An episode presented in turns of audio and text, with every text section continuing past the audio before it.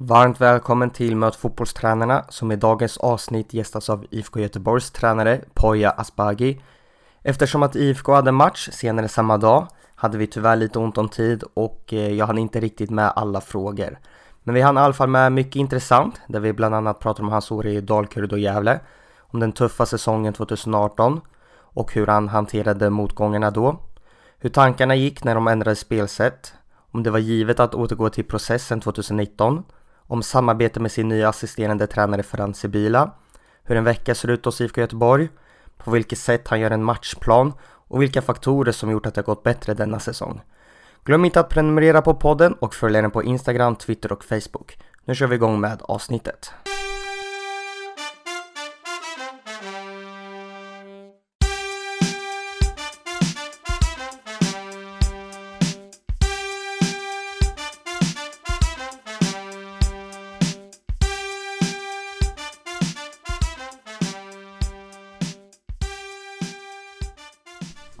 Välkommen till Möt fotbollstränarna på Esbaghi. Tack så mycket. Hur är läget idag? Eh, jättebra. Precis haft en bra matchvärmning inför våran eh, match mot Örebro ikväll. Så förhoppningsvis känns det lika bra efteråt. Vad är tankarna inför kvällens match mot Örebro SK då? Eh, nej men att fortsätta utveckla vårt spel och, och plocka de poäng som Ja, vi har tagit poäng i våra senaste matcher och vi vill gärna fortsätta med det. Och kanske lite revanschlust också efter vår hemmamatch mot Örebro, sista matchen i uppehållet som vi gjorde riktigt bra men förlorade. Vad ser du för styrkor och svagheter hos ÖSK? Eh, styrkorna är väl att de är trygga i sitt låga försvarsspel och, och kan vara tålmodiga i det och stressar inte upp sig och det är ganska svårt att få hål på dem. Samtidigt som de är bra på att vara effektiva framåt. Filip Rovic till exempel. Alltid ett hot så. Svagheten är väl kanske att de, just det också, att de kan bli för låga för länge eh, och bli väldigt passiva under långa perioder. Vi hoppar in i faktarutan. Ålder? 34, nyss fyllda. Grattis i efterskott. Tack så mycket. Familj? Eh, ja, familjen bor i Uppsala, mamma, pappa, syster eh, och sen flickvän även i Uppsala också. Bor? I Göteborg. Bästa spelaren du har tränat? Eh, oj, det är en bra fråga. Bästa spelaren jag har tränat? Jag, jag passar på den för den är så subjektiv. Eller den är så, det kan vara så olika beroende på vad man menar. Favoritlag? In, inter. Har du någon förebild? Ja, det måste vara nog mamma och pappa. Naturgräs eller konstgräs? Oj, den... Jag gillar ju naturgräs och så. Sen, jag är väl inte en sån här... Jag är inte en anti-konstgräsperson som alla andra heller. Men jag är väl... Jag skulle säga att jag är en hybrid. Jag är en hybridgräsmänniska. Kostym eller träningsoverall på match? Uh, overall. Vad gör du på match då? Då spelar jag in podd. Nej då. då... Uh, Um, det är egentligen den tråkigaste dagen på hela veckan egentligen fram tills match. För att det är väldigt mycket arbete gjort och det är bara en lång väntan egentligen. Favoritsyssla utanför fotbollen? Uh, det är väl att umgås med vänner och familj.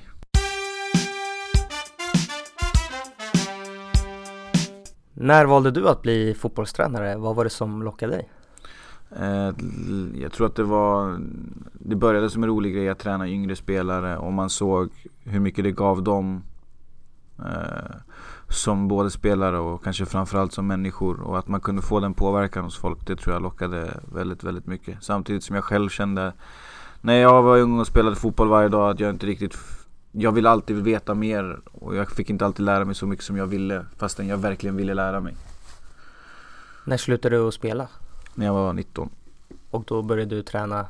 Nej, då tog det ett tag. Jag hade pluggat ekonomi i programmet och flyttade både till Örebro och pluggade i Uppsala universitet och sen i USA också. Så det var ingen fotboll inblandat så mycket där och då utan det var mer när jag kom hem efter mina studier från USA som jag började träna ungdomslaget när jag var 24 år. Kände du då att du kunde nå eliten eller vad var målet? Nej, det var aldrig något sånt mål utan det var mer att jag tyckte att det var riktigt, riktigt roligt och man vet att det framförallt för någon som mig som inte haft någon elitbakgrund som spelare så vet man att det är ett nålsöga att kunna liksom verkligen få livnära sig på fotboll och det kändes inte så realistiskt. Så jag hade alltid studierna och sånt där redo för att jag vill inte gå all in på fotboll men från det där ungdomslaget så gick det hela tiden bättre och bättre och när man efter några år började man känna sig kanske kan jag livnära mig på det här i alla fall. Kanske kan jag liksom få en heltidslön för fotboll och det var liksom den stora, stora målsättningen då. Att det skulle bli liksom ännu mer elit och träna Sveriges största fotbollslag och så. Det var väl inte riktigt tanken från början. Finns det några för och nackdelar med att du inte har spelat på elitnivå tidigare? Ja, fördelen kanske, alltså jag kan, jag kan tycka att är du, har du varit en, än till exempel en fotbollsspelare som har tänkt väldigt mycket under din tid på helheten. Det är få fotbollsspelare som gör det. De flesta tänker utifrån sin position. Det är, ingen, det är inte för intet att om du tittar på de bästa tränarna i världen som har varit spelare, vart har de spelat? De har varit deffältare i princip. Alltså, nämn en forward. För att de ser inte alltid hela banan. Sen kan det alltid komma en forward nu som börjar göra det men jag brukar säga att den forwarden idag som tränar ett elitlag, vem är det? Det är till exempel Simone Inzaghi som, som tränar Lazio. Han satt mesta delen av sin karriär på bänken. Och det är inte en tillfällighet, för du sitter där och jag vet själv många spelare som jag har haft, när de hamnar på bänken eller de varit skadade, då har de mest uppmärksammat helheten. Annars har det varit väldigt mycket fokus utifrån sig själv. Men äh, så att Ibland kan det vara en svaghet för fotbollsspelare för de tror att när de lägger av så vet de allt men de vet allt utifrån sin position. Och så blir det en väldigt stor omställning för att förstå helhet och ta ansvar för helhet. Men de spelarna som har spelat fotboll på elitnivå men samtidigt som de har spelat också har varit väldigt intresserade av helheten. Kanske för att positionerna krävt det. Eller bara för att de har varit vetgiriga. De kan jag tycka har en fördel mot till exempel sådana som mig som inte har spelat fotboll. Assisterande tränare i Dalkurd var ditt första uppdrag på elitnivå. Hur stort var det för dig då? Eh, allt, allt som har hänt i min tränarkarriär har varit stort. Så när jag var liksom ungdomstränare för ett, ett ungdomslag och sen fick bli juniortränare tyckte jag att det kändes stort. När jag fick gå från juniortränare i den klubben till att bli assisterande i division 3 eller 4 så tyckte jag att det var stort. Det, allt är ju relativt. Så att de stegen kändes stora då. Och att gå från till exempel den nivån till division 1. Det är ett jättestort steg. Att gå från division 3 huvudtränare till att bli assisterande i division 1. Det är nästan ett större steg än vad det var för mig att gå från assisterande i Superettan till huvudtränare i Superettan. För att du går från en amatörmiljö till, till, till folk som verkligen går all in på att verkligen bli någonting. Så det var, för att svara på din fråga, det var ett väldigt stort steg. Och du blev ju just huvudtränare i Dalkurd efter det och då kom ni ju fyra din första säsong. Vad gjorde ni bra då? Jag tyckte vi gjorde väldigt många saker bra. Vi var det är en säsong jag är väldigt stolt över för att vi var nykomlingar i Superettan också det året och det var fram tills dess ingen nykomling under ja, var 20 år som Superettan funnits som hade samlat så mycket poäng. Vi var, vi var en poäng tror jag ifrån att sno kvalplatsen från Halmstad. Eh, och det kändes jäkligt surt där och då i efterhand. Men med facit i hand så var det en, en fin säsong och jag tycker att vad vi gjorde bra var att vi hade vår identitet. Eh, med sättet vi ville spela och vi kunde, vi kunde spela det spelet oavsett motståndare egentligen. Eh, det var väl det som var, var nyckeln för oss, att vi kunde ha den jämnheten egentligen. Hade du förändrat mycket sen året innan då du var assisterande? Kanske kring pressspelet mest. Jag tycker anfallsspelet så försökte vi bygga på, på väldigt lika samma. För det var just det, det som var mycket av Dalkurds identitet. Att, att vara trygga i sitt bollinnehav och så. Men, men jag tror att den största skillnaden från åren innan i division 1 och när vi kom upp till Superettan var att vi utvecklade pressspelet. Hur skapar man sin spelidé under sitt första uppdrag som huvudtränare? Du, det är träningarna och att vara tydlig med träningarna och, och att hela tiden sätta, lägga fokus på det som du tycker ska vara ni. Alltså om du tycker att det är en spets, om det är pressspelet, då får det också ge mer återkoppling. Det får, det får också ta upp fler träningar och så vidare för då blir det också det som förr eller senare formar det som är ni, ert arbetssätt, er spelidé. Vilka svårigheter uppstod under ditt första år som du kanske inte hade räknat med? Svårigheter, det var väl mer att du är ung, jag var 30 år då, knappt 30 och jag hade inte tränat, varit huvudtränare på elitnivå och jag blev huvudtränare.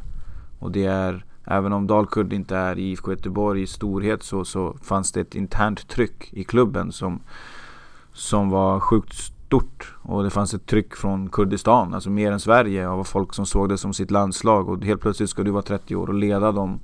Och det var, det var också en introduktion för, för hur man ska hantera press från omgivning. Och det, det var inte tufft, men det var, no, det, var, det var någonting jag inte var van vid. Det var en härlig utmaning. Så.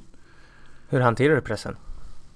Alltså, den är alltid ny från början, så du vet inte hur du ska hantera den från början. Du kan inte läsa i en bok så här, så här gör du när när ni förlorar en match. Och så här tänker du, men du lär dig hur du ska hantera varje motgång. Efter varje motgång blir du bättre och bättre på det egentligen. Och man lär sig att, helt, att vara balanserad. Att inte som du kan göra som väldigt ung eller som många fans kan göra eller som många journalister fortfarande kan göra. Liksom, det är att de, du är bäst när du vinner och du känner att du är bäst när du vinner och sen när du förlorar känner du att du är sämst. Så kan fans och journalister göra. Jag tycker inte ens att det är okej okay när de gör det men det är väl mer okej. Okay. Men som tränare får du absolut inte hamna där. Du är inte så, så bra som du tror att du är bara för att ditt lag vann med 3-0. Du är inte så dåliga Du har inte varit så misslyckad som du tror att du är när ditt lag förlorar med 3-0 utan Du måste hela tiden analysera matchen och skapa din egen bild och det kan ibland vara väldigt svårt när du är ung och samlar mycket intryck utifrån. Säsongen därpå lämnade du Dalkurd efter sju matcher trots att ni hade en superstad och låg tvåa. Hur kom det sig? Just på grund av att ja, rent sportsligt så var det ingen diskussion så. Det, fann, det var inte det utan det är så här är det. Jag tror att det var Magnus Haglund som berättade det här för mig när jag träffade honom. Han sa faktiskt en ganska intressant sak som han hade läst i någon ganska ansedd brittisk tidning där fotbollsmanagerjobbet klassades som det tuffaste jobbet i världen. Nu vet jag inte, så här, du ska inte säga att de hade rätt men det var en intressant artikel för att de menade att du kan som tränare vara fantastisk på träningsplan. Du kan vara fantastisk relation med dina spelare. Du kan ha bra taktik. Du kan ha fantastisk relation med, med fansen. Du kan ha bra relation med media. Eh, men om du till exempel inte har bra relation med din styrelse så kan du ändå få gå. Eller du kan ha bra relation med din styrelse, du kan ha bra relation med fansen, du kan ha bra relation med media men du är inte tillräckligt bra på träningsplan. Då kan du få gå. Eller, alltså, liksom, du kan ha sex eller sju kriterier uppfyllda men om det åttonde inte är uppfyllt så kan du få sparken. Så är tränaryrket. Det, du kan till och med vara bra på alla delar men sen så av någon anledning förlorar ni fyra raka matcher så kan du ändå få sparken. Eh, och i Dalkurd i det här fallet då så var det kanske Det var inte att min relation med spelarna eller att jag tyckte att jag var dålig på träningsplan, tvärtom. Jag tyckte att det, vi funkade väldigt bra. Som du säger, resultaten gick bra. Men jag tycker inte att min relation till den dåvarande eh, styrelsen framförallt var, var tillräckligt bra. I det här fallet så, så, gjorde, att, så gjorde det så att vi skildes åt. Istället så tog du över Gävle som då låg sist. Hur gick tankarna inför det uppdraget? Att det var en, jag gick från att vara, det var en ganska stor om, för jag var i samma serie två veckor tidigare och slogs om allsvensk plats. Och sen helt plötsligt så vändes det upp och ner och sen var jag i botten av superettan.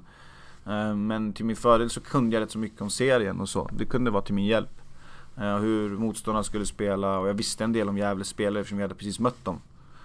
Eh, men det var en ganska stor omväxling men det var en fantastiskt rolig period i mitt liv.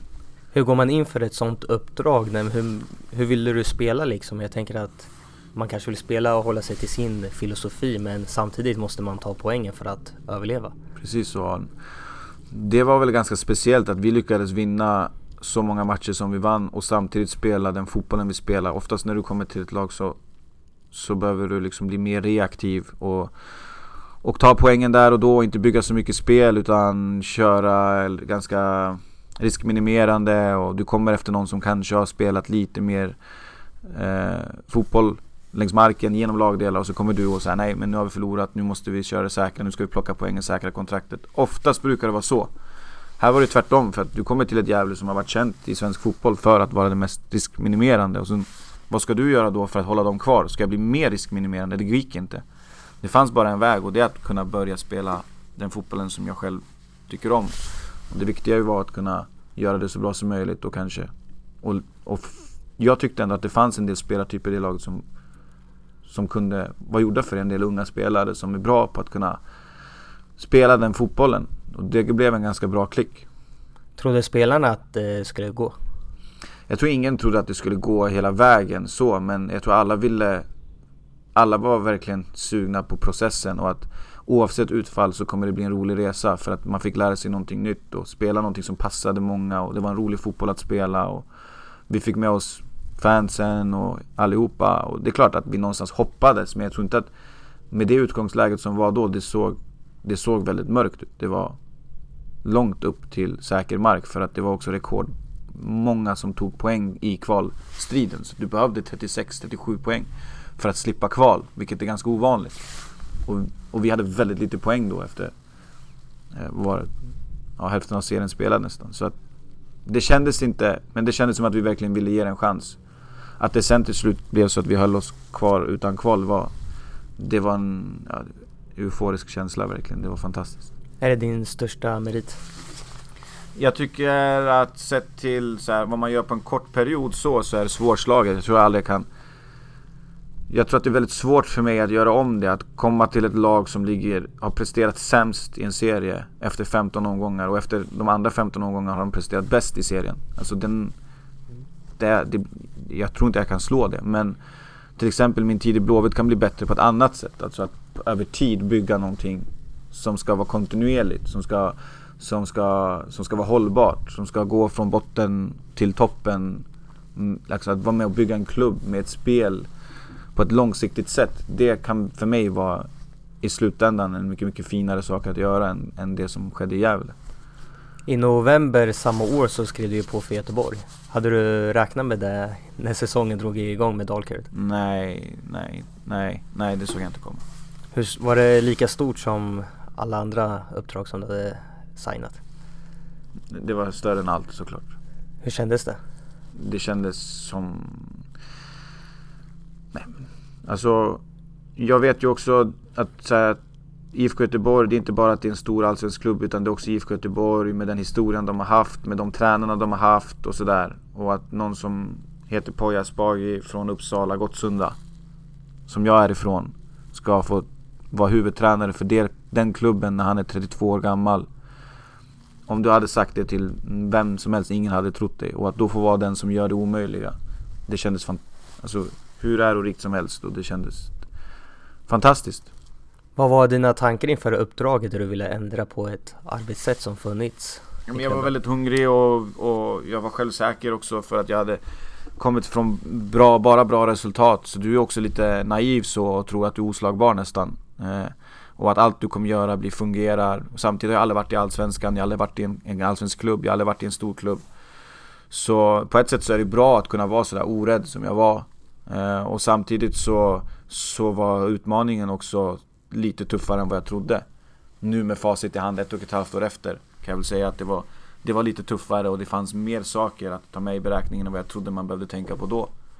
Ehm, men, men jag har också varit bra på att liksom varit ödmjuk inför det under resans gång och förstå vad är det man behöver hela tiden lära sig och bli bättre på för att kunna bli bättre och för att göra laget bättre. När du kommer in som helt ny till en ny förening och du ska implementera din nya spelidé, hur ser det ut rent praktiskt? Oj. Men alltså det, det börjar ju någonstans med den första träningen och det, och det, och det, det, det gäller att göra upp en planering som gör att du inte liksom bakar in allt på en gång. Utan du måste också ha tålamod som tränare att veta att okej, okay, jag kan inte gå in och bara vilja berätta allt jag kan för att visa, hävda mig och säga titta vad duktig jag är, titta det här kan jag. Utan allt handlar om hur snabbt spelarna kan förstå saker. Och, och det gör också att jag kan inte, ibland så får jag inte berätta hela sanningen utan man måste ta en sak i taget. För att de inte är mogna att förstå steg tre förrän de har lärt sig steg två och så vidare.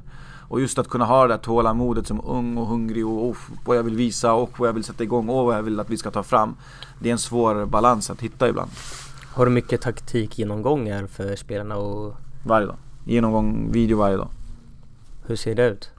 Nej men vi är, ses 8.45 varje morgon och käkar frukost och 9.20 har vi minst 25 20 minuters videogenomgång varje dag. Hur ser en vecka ut hos er? Med allt ifrån träningar och... Då spelar vi match, ta till exempel nu då om vi tar den här veckan så spelar vi match mot Örebro idag och sen så åker vi hem i natt och sen har vi genomgång på matchen imorgon. Eh, och sen så har vi ledigt två dagar efter match. Och sen tränar vi. Eh, och sen oftast när det är två dagar kvar till match så kör vi taktisk genomgång. På motståndarna två dagar innan. Och sen spelar vi matchen och så är det en ny cykel liksom. Hur ser den taktiska träningen ut? Det kan vara väldigt mycket att vi pratar om dels videogenomgång på motståndarna, deras off, deras def. Ibland delar vi upp det på två dagar, ibland kör vi båda på samma dag. Och sen går vi ut utifrån vad vi vill. Det handlar väldigt mycket om att inte liksom bara anpassa sig för motståndarna. Hur påverkar motståndarna oss? För att många gånger så kan det för omgivningen eller för fans eller för media vara mer intressant om vem som har gjort mest mål i Örebro eller Eller hur, vad Örebro är bäst på. Det är inte alltid det intressantast för oss. Säg att eh, Örebro, nu bara hittar jag på, säg att Örebros största styrka skulle vara inläggsspel.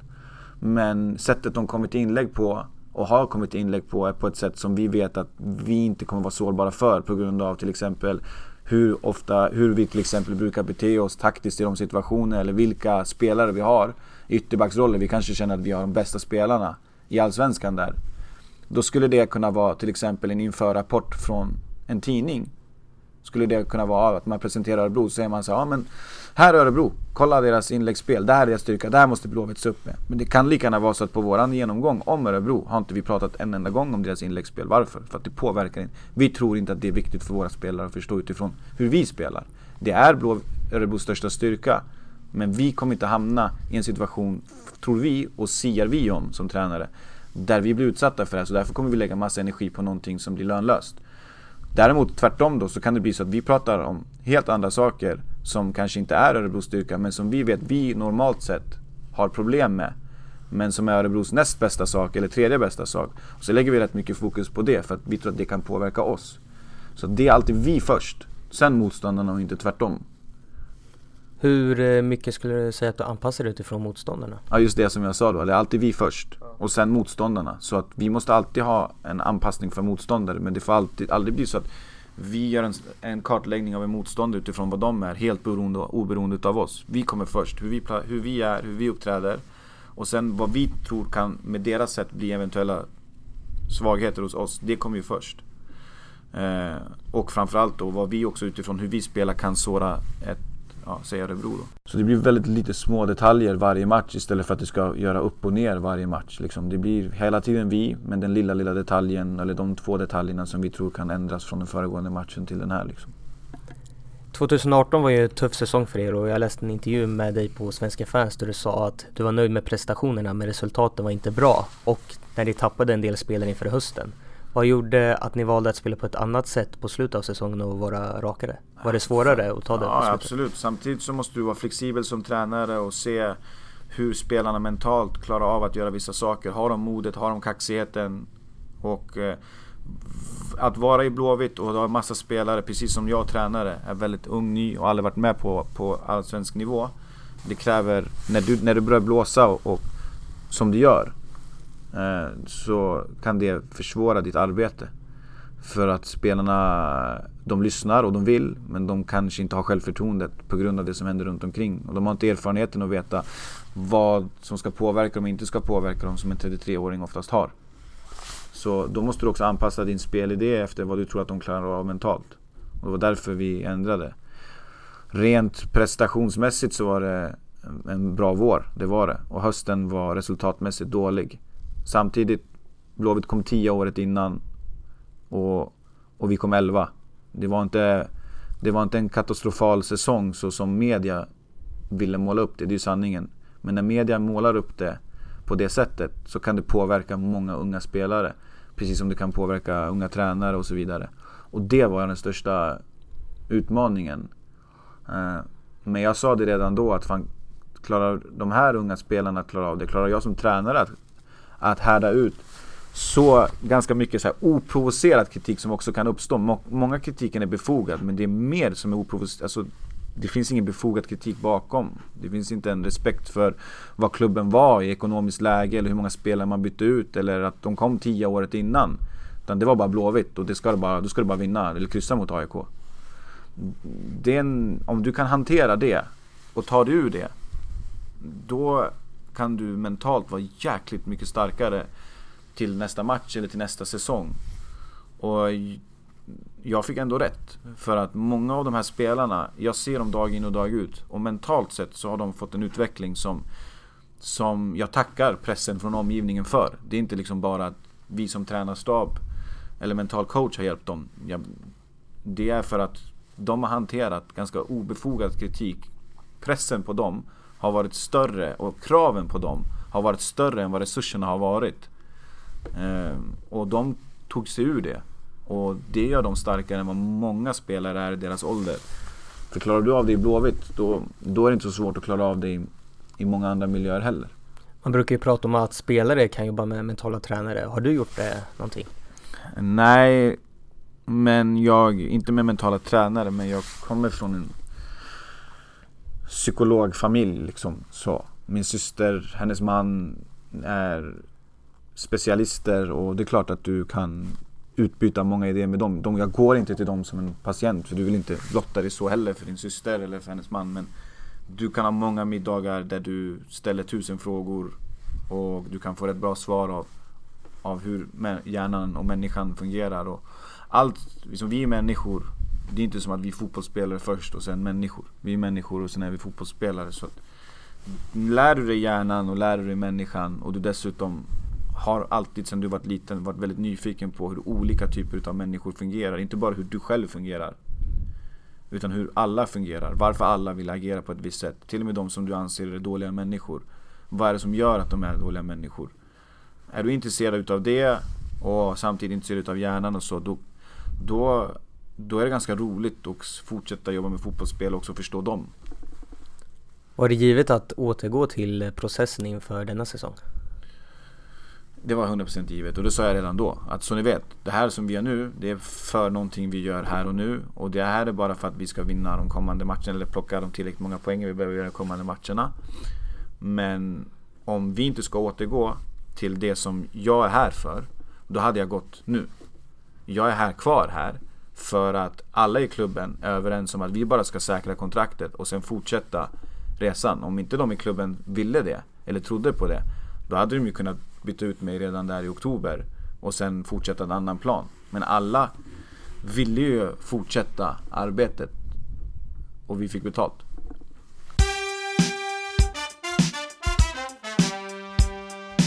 Nu finns Möt fotbollstränarna på Youtube.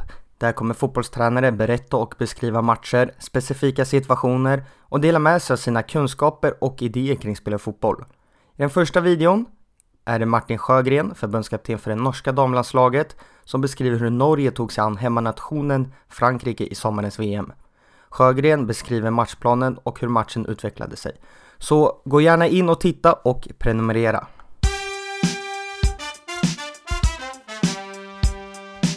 Till denna säsong har ju Ferran Sibila kommit in som assisterande till dig. Hur fungerar ert samarbete?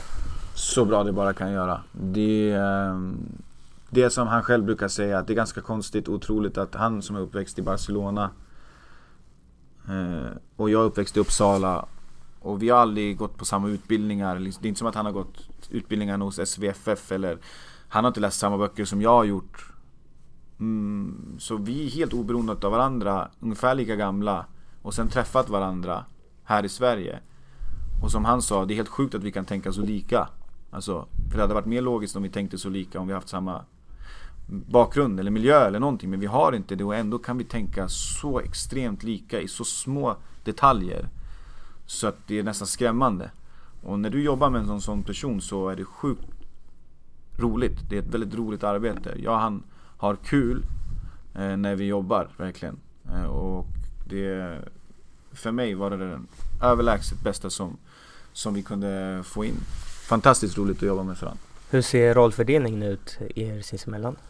Alltså, vi är båda två väldigt prestigelösa så. Jag tror att om spelarna skulle få svara skulle de säga så här, ja men Poja kan ha mer ansvar för eh, den här delen med det defensiva och Ferran har kanske lite mer ansvar för den här delen i det offensiva. För att när vi har genomgångar och när vi pratar så väljer vi ibland att så här, okej okay, du tar den här delen.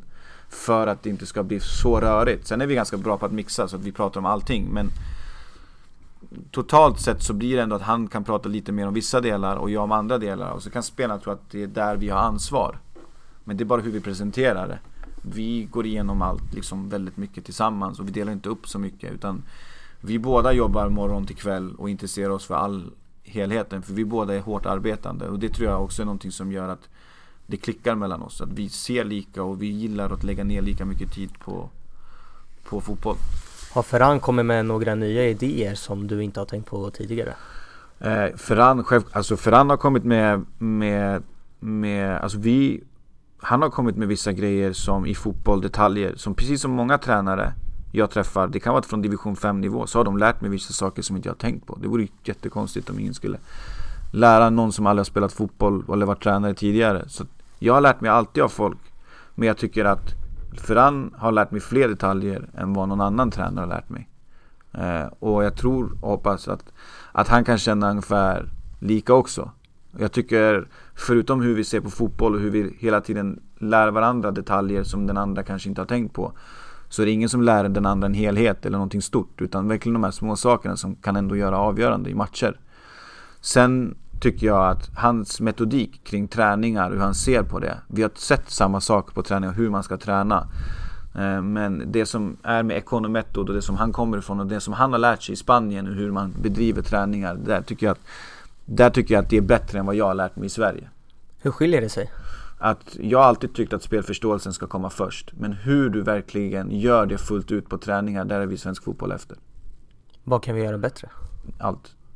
Men framförallt att vi backar upp det vi säger. Vi säger att vi ska sätta spelförståelsen i centrum, men sen är våra övningar inte där så.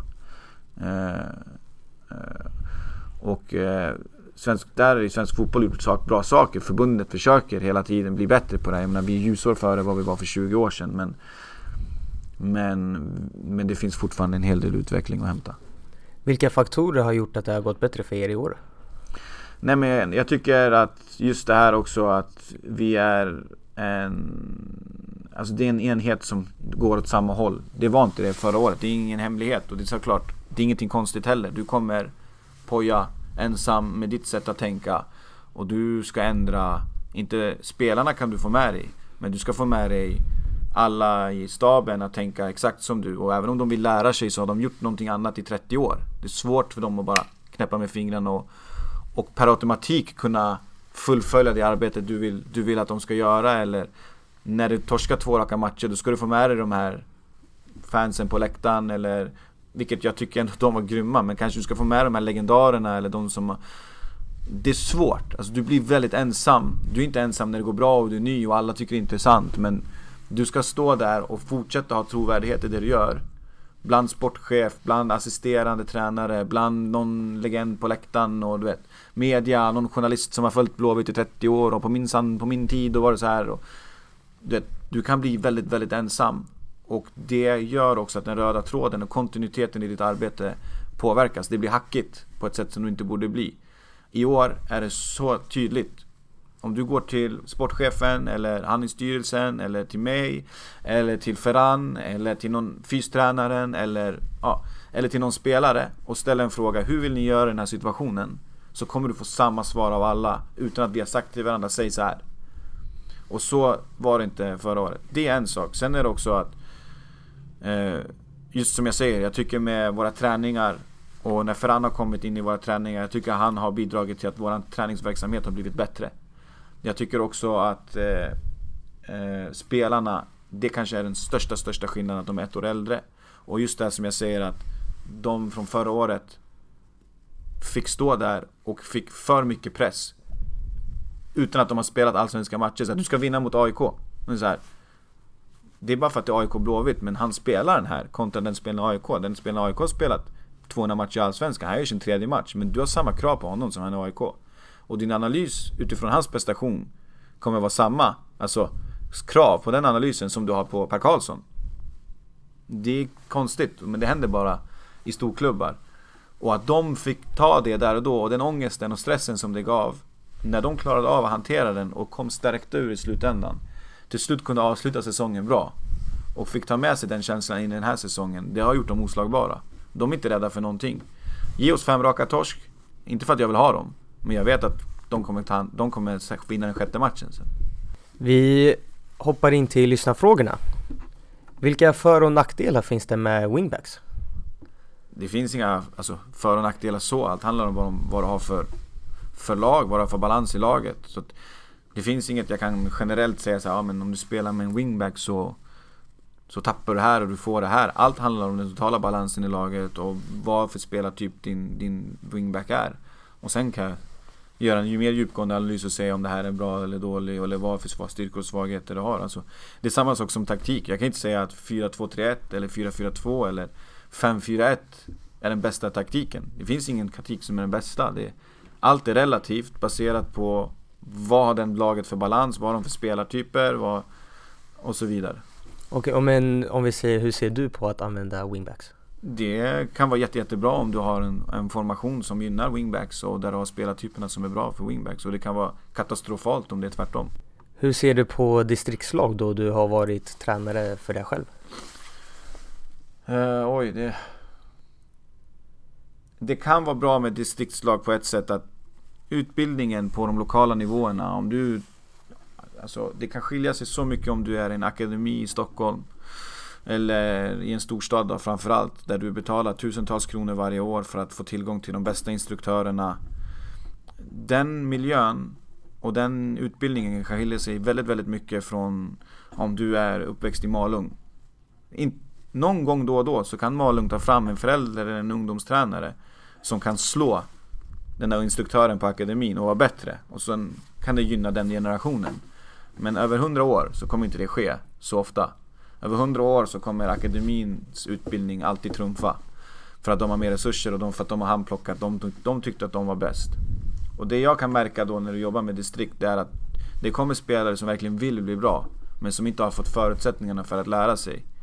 Och när de får vara med på distriktsläger, då kan de snappa upp utbildning som de inte annars får. Och på det sättet kan det vara bra för dem. Sen tror inte jag att det är det som ska skilja och göra att vi ska få lyckas på sikt. Utan att lyckas på sikt, det är för att kunna ge den kontinuerliga utbildningen, det vill säga den dagliga utbildningen, bättre för alla. För nu är det inte så. Eh, och, och tittar man framförallt på damsidan. För på herrsidan är det fortfarande ett problem och pojksidan. Men tittar man på damsidan så är det så här. Vad har tjejerna som växer upp från i akademierna eller i sina ungdomslag. Vad har de för tränare rätt, rätt konsekvent fram tills de är 18? Det är någon förälder. För att ni, vi investerar inte från förbundshåll eller från andra sätt privat så mycket i ungdomslagen där så att de kan få utbildade bra instruktörer i tidig ålder. Och det här är den stora anledningen till varför man inte kan se tjejernas fulla potential på elitnivå idag. Alltså, jag tror att fokus ligger för mycket just nu på vad de ska få för pengar i, när de är gamla när de är äldre. Och då ska de ha, de ska ha mer än vad de har. Men i ungdomsår så är det sjukt stor skillnad på vad de har för förutsättningar. Så att, nu kommer jag in på någonting annat egentligen, men egentligen i det stora hela så handlar det om att distrikten kan vara bra för att utbildningen är inte, den är inte rättvis. Precis som det är i vanligt i världen. Mm, och egentligen så är det stora problemet att vi måste göra den mer rättvis. Men om den inte är rättvis, vilket den inte är just nu, då kan det vara bra för de här från Malung att komma och få två, tre veckors intensiv utbildning i någonting som de annars, annars aldrig hade fått. Hur mycket inflytande har du i nyförvärv? Nej men alltså, jag kommer väl inte vara den som trycker på den röda knappen och säger nu kör vi, eller, och inte tvärtom heller. Jag säger det, vi är, har en grym organisation idag där ingen skulle behöva sätta prestige före, alla ser samma sak, alla vill samma sak och det är klart att jag kommer tycka att någon spelar bättre än vad Kenneth tycker och tvärtom. Men jag har svårt att se att vi inte tar beslut som vi verkligen känner är gemensamma. Vad är dina tips till andra tränare? Att... Att var, bli inte tränare om du inte hade någonting att göra. Alltså gå inte och bli tränare bara för att du inte vet vad du ska göra annars. För att du kommer inte ha passionen då tillräckligt i det långa loppet att utbilda dig.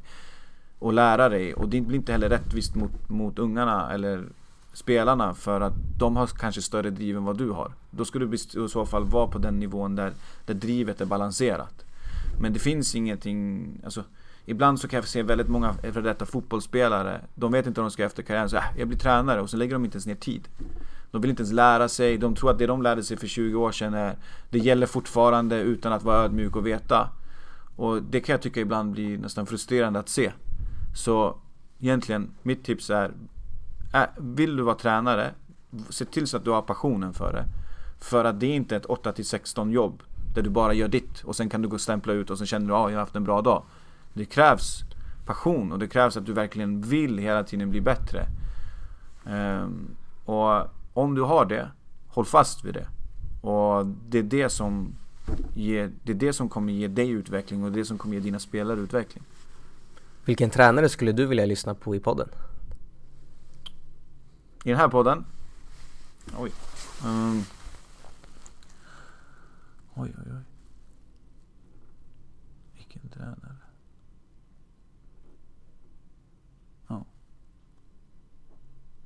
Jag vet inte. Pepp. Vi får se till att fixa det.